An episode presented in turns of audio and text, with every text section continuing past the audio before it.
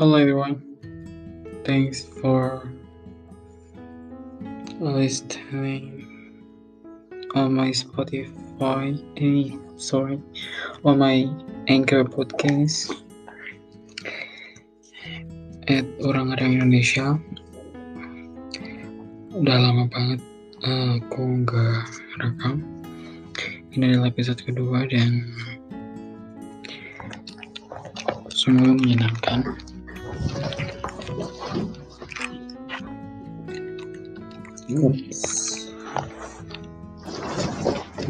Ya, ini ada episode kedua. Ada... Gitu deh pokoknya. Hmm, baru rekam lagi karena baru mau racau lagi. Hari ini panas banget. Sekarang pukul 0.30 tanggal 2 bulan 5 tahun 2021 kondisi badan sehat sedikit berkeringat. Kondisi hati agak terganggu beberapa hal kayak aku belum sempat manage diri lagi jauh lebih baik. By the way udah hari ke 18 Ramadan dan udah mas. Um, banyak targetan yang belum tercapai tapi gak apa-apa penting kita masih terus jalan. I think semua akan membaik pada waktunya dan yang paling penting kita tetap berusaha untuk um, mendapatkan uh, itu.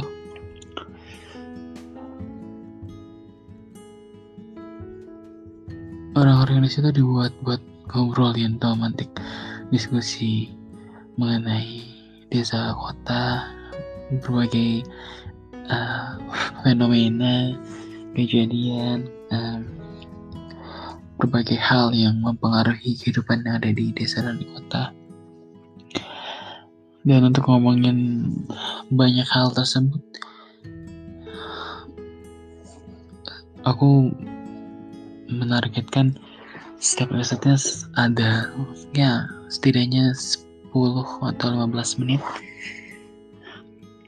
Syukur-syukur bisa tembus 30 menit dan obrolan yang ada di sini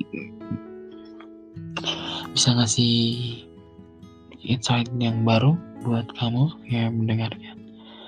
Meskipun memang aku selalu rekam setiap episodenya tanpa skrip jadi apa yang pikirkan aja kayak gitu. By the way aku rekam podcast ini di Encore. Uh, dan sepertinya kita bisa baca artikel. Kita pilih artikel ya, tentang urban. Um,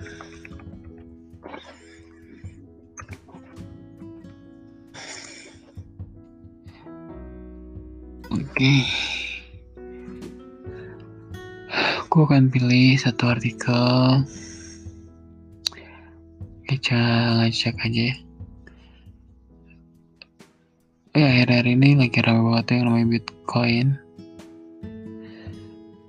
Kalian termasuk orang yang ikutin atau enggak tentang Bitcoin ini? Kalau kalian ikutin, kalian sama aku juga lagi ngikutin perkembangan Bitcoin. Ya meskipun gak terlalu sering. Ya, setidaknya aku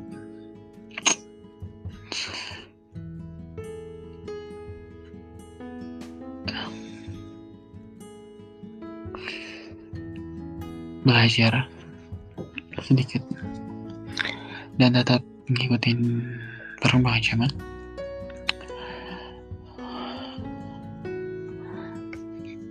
search uh, desa ya desa okay. ini ada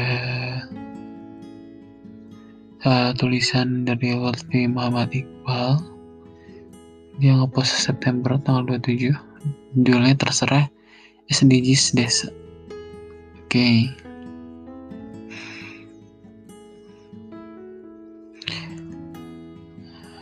Di artikel ini jelasin bahwa Kementerian Desa Pembangunan Daerah Tertinggal dan Transmigrasi itu telah menetapkan kebijakan mengenai SDGs desa melalui peraturan Menteri Desa Pembangunan Daerah Tertinggal dan Transmigrasi nomor 13 tahun 2020 tentang prioritas penggunaan dana desa tahun 2021 pada tanggal 14 September 2020 lalu.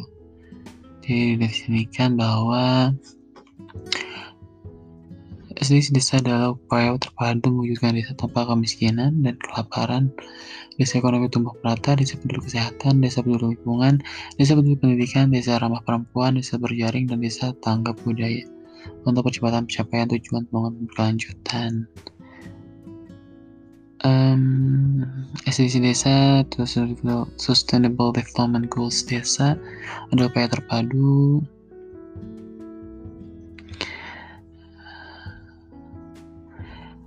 yang mana uh, SDG sendiri sampai sekarang juga masih menjadi sebuah perdebatan di di dunia, di negara-negara maju maupun berkembang seperti Indonesia. Kalau di SDGs ada 17 goals. Nah, kalau di SDGs desa ini ada 6 sek um, sorry ada 8 sektor dengan 18 tujuan. Yang pertama ada sektor desa tanpa kemiskinan kelaparan. Ada desa ekonomi tumbuh merata desa peduli kesehatan desa peduli lingkungan desa peduli pendidikan desa ramah perempuan desa berjejaring dan desa tanggap budaya.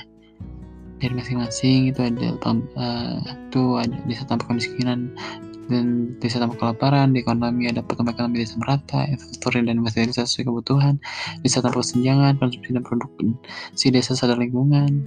Lalu ada desa berkesehatan desa sehat desa sejahtera layak air bersih dan sanitasi kawasan permukiman desa aman nyaman.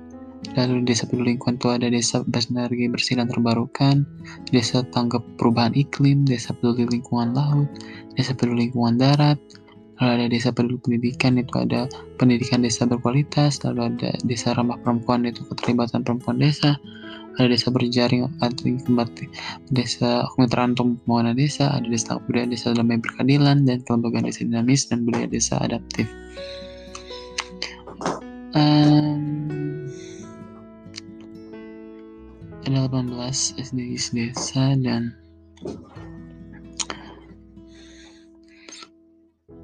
aku mau bahas satu di antara 18 itu mungkin kita uh, akan bahas mengenai desa tanpa kemiskinan dulu ya. Jadi SDGs desa yang pertama.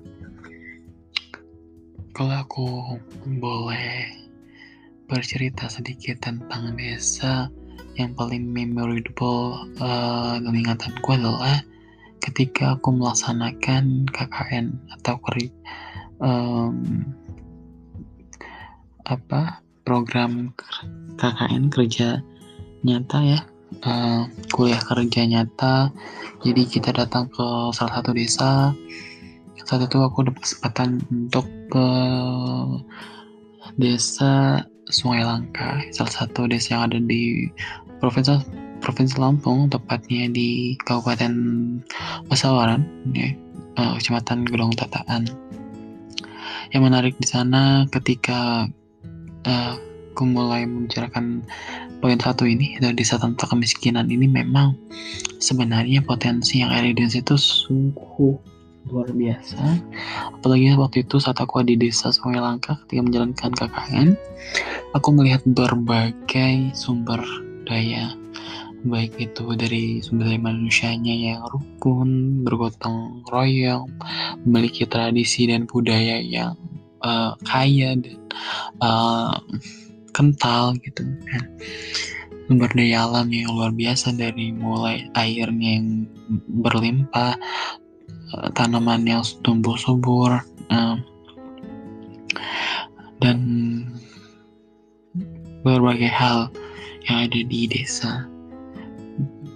Aku percaya bahwa desa tanpa kemiskinan benar-benar bisa diangkat dan sebenarnya ada satu konflik batin tersendiri buat aku ketika membicarakan uh, tentang kemiskinan karena hampir setiap aku studi di lapangan tentunya dalam hal ini adalah desa aku selalu punya dua pandangan. Yang pertama adalah pandanganku ketika melihat warga desa dengan kesederhanaannya, dengan kesusahannya menurutku yaitu harus bekerja keras dari pagi sampai malam, tapi dengan kondisi yang sesaat sederhana gitu, dan seadanya dan lain sebagainya. Tapi sisi lain, aku juga melihat bahwa mereka bahagia dan menjalankan kehidupan uh, demikian ini sedikit konflik karena menurutku um, tujuan dari setiap makhluk itu adalah merasakan kebahagiaan dan mungkin saat ini kita berpikiran bahwa rasa bahagia itu ketika kita memiliki hal yang lebih ketika kita mampu untuk uh, mengakses ini itu namun ternyata konsep itu tidaklah selalu sama ketika ada di desa Aku melihat kebahagiaan itu ada dari kesederhanaan yang luar biasa. Bahkan uh, materi bukan hal yang menjadi utama di sana. Di saat kemiskinan ini akan banyak sekali definisi-definisi definisi yang unik buat aku karena aku pikir desa tidak mahalaik tentang materinya, tentang keuangannya. Desa uh, menunjukkan kebahagiaan yang menjaga kesederhanaannya. Namun ternyata ketika digali lagi, justru memang sumber daya itu adanya di desa.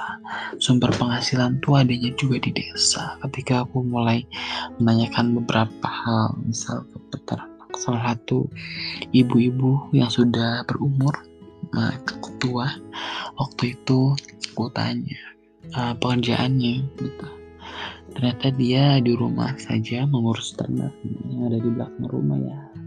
Kurang lebih 5 kali 13 meter.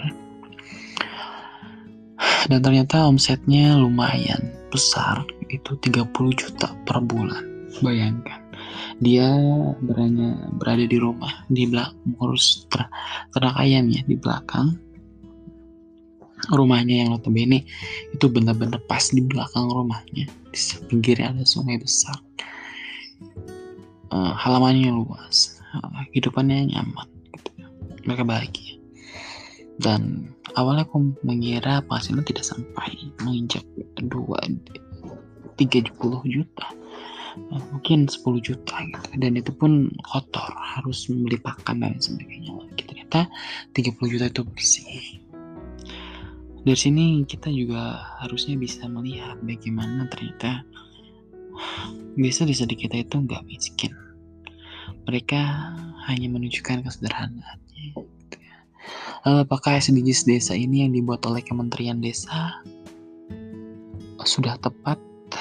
Kita tidak bisa menghakimi dari sisi uh, apa yang telah aku ceritakan tadi uh, dari pengalamanku sendiri gitu ya karena bisa jadi ini dibuat untuk memberikan tolak ukur yang sama setiap warga desa gitu, dalam melihat gimana sih desa yang berkelanjutan itu pembangunannya. Maka ini adalah cukup membantu mereka untuk mengetahui indikator apa yang harus dipenuhi dan keberhasilannya seperti apa dan itulah yang seharusnya ditunjukkan di, di sini. Lalu di artikel ini menyampaikan beberapa hal rekomendasi yaitu pertama per perbaikan definisi SDG desa dalam pembentuk yang mendatang yang kedua per perbaikan filosofi. Lalu tidak perlu membuat goals baru di label sesi desa tapi bagaimana supaya kegiatan dana oleh desa dapat mempercepat pencapaian 17 goals dalam SDG 2030 karena ya aku sepakat dengan poin ketiga ini. Seharusnya tidak perlu lagi membuat definisi desa 18 SDGs desa itu karena cukup uh, bagaimana peran dana desa dalam mendukung SDGs yang sudah ada 17 goals untuk mencapai SDGs di tahun 2030. Sebenarnya itu uh, yang perlu kita uh, narasikan bersama gitu. Kita perlu bagikan itu kepada masyarakat, kepada warga-warga desa untuk memaksimalkan dana desa tersebut. Yang keempat, uh, tidak perlu membuat tipologi berdasarkan kategori goal dan SDGs. Uh, jadi uh, goals mana yang masih kurang secara menyeluruh di desa-desa dari diagnosa pendataan inilah baru ditentukan sebagai desa prioritas goals yang asimetris di masing-masing desa sesuai kebutuhan. Jadi memang apa yang bisa dicapai oleh desa dan bantu mempercepat sumber sustainable development goals tahun 2030 tentunya dalam upaya memenuhi janji dari Indonesia terhadap penurunan uh, uh, uh, pembangunan yang tidak merata di dunia. Lalu poin kelima perlu dilakukan pemetaan kegiatan telah dilakukan sejak pertama kali desa dikucurkan yaitu uh, keterlibatan dana desa tersebut di awal uh, kebijakan itu di diberlakukan sampai sekarang? Apakah sudah efektif efisien dalam mendukung percepatan SDGs 2030 atau belum? Dan itulah yang mestinya diangkat dan perlu disampaikan kepada setiap uh, desa-desa di Indonesia. Yang keenam adalah perbaikan pemahaman bahwa SDGs sebagai tujuan global bersama yang memandu berbagai tingkat pemerintah untuk mewujudkan pembangunan yang lebih berkelanjutan. Jadi semestinya kontekstualisasi SDGs dilakukan dengan konvergensi aksi untuk mempercepat pencapaian tujuan yang sama itu SDGs 2030 melalui upaya yang semampu punya dan relevan sesuai dengan konteks serta kemenangan masing-masing, bukan dengan menciptakan label dan tujuan yang baru. Ya, itu ada enam rekomendasi yang dituliskan oleh Lutfi di sini dalam artikel terserah SDGs desa telah kritis kebijakan kontekstualisasi di desa. Um, ya, melanjut cerita tadi uh, aku main ke desa menemukan uh, berbagai hal dan uh, dan sadar gitu akan uh, potensi desa di Indonesia. Aku percaya juga bahwa nantinya Indonesia akan uh, pusat-pusat pembangunan pusat-pusat peradabannya itu adanya di desa-desa. Dan uh, aku mempercayai hal tersebut. Uh, ya semoga apa pun itu mau SDGs 2030 maupun SDGs yang dibuat oleh Kementerian uh, Desa itu ada 18 goals. Uh, sebaiknya segera dilakukan aksi yang nyata uh, pemantauan pendampingan terhadap dana desa ini dalam pembangunan desa tersebut dan mencapai pembangunan yang berkelanjutan. Um, mungkin sedikit narasi yang bisa dibagikan gitu ya dalam pembahasan ini. Kondisi saat ini desa memang belum cukup ideal ketika kita menawarkan apa yang bisa dijual dari Indonesia desa-desanya. Memang banyak sudah banyak desa-desa yang maju yang memiliki sumbangan PAD yang tinggi miliaran gitu dan sudah maju memiliki ciri khasnya sendiri, tapi juga masih terlalu banyak yang belum sampai ke sana. Pengembangan di bidang pariwisata, pengembangan di bidang agrobisnis, dan lain sebagainya, ya sudah banyak contoh tinggal bagaimana mereplikasikan kepada seluruh desa di Indonesia sehingga memiliki karakteristik yang uh, unik di setiap desanya, memiliki nilai jual, daya tarik tersendiri sehingga mampu menghidupi desa dan uh, menopang uh, Indonesia. Uh, sehingga pusat peradaban pertumbuhan pengembangan pembangunan itu ada di desa-desa. Ini satu omongan yang uh, iseng-iseng aja gitu ya meracau-meracau atau uh, ya alur ngidur kali gitu ya. Penting ada sedikit pemantik untuk teman-teman semua bagaimana seharusnya desa menurut kalian desa tempat tinggal kalian atau desanya orang tua kalian atau desa yang pernah kalian kunjungi apa sih yang membuat kalian tertarik untuk datang ke sana? Dan apa sih yang bisa dikembangkan? Dan kalian uh, aku challenge untuk menuliskan itu uh, di story kalian uh, dan menyampaikan itu uh, secara langsung ke orang-orang yang ada di sana ya satu dua mungkin lewat WA atau kenalan uh, ini hanya memperkuat bagaimana pandangan kalian terhadap desa tersebut dan menyampaikan apa sih gagasan yang kalian bisa perbuat.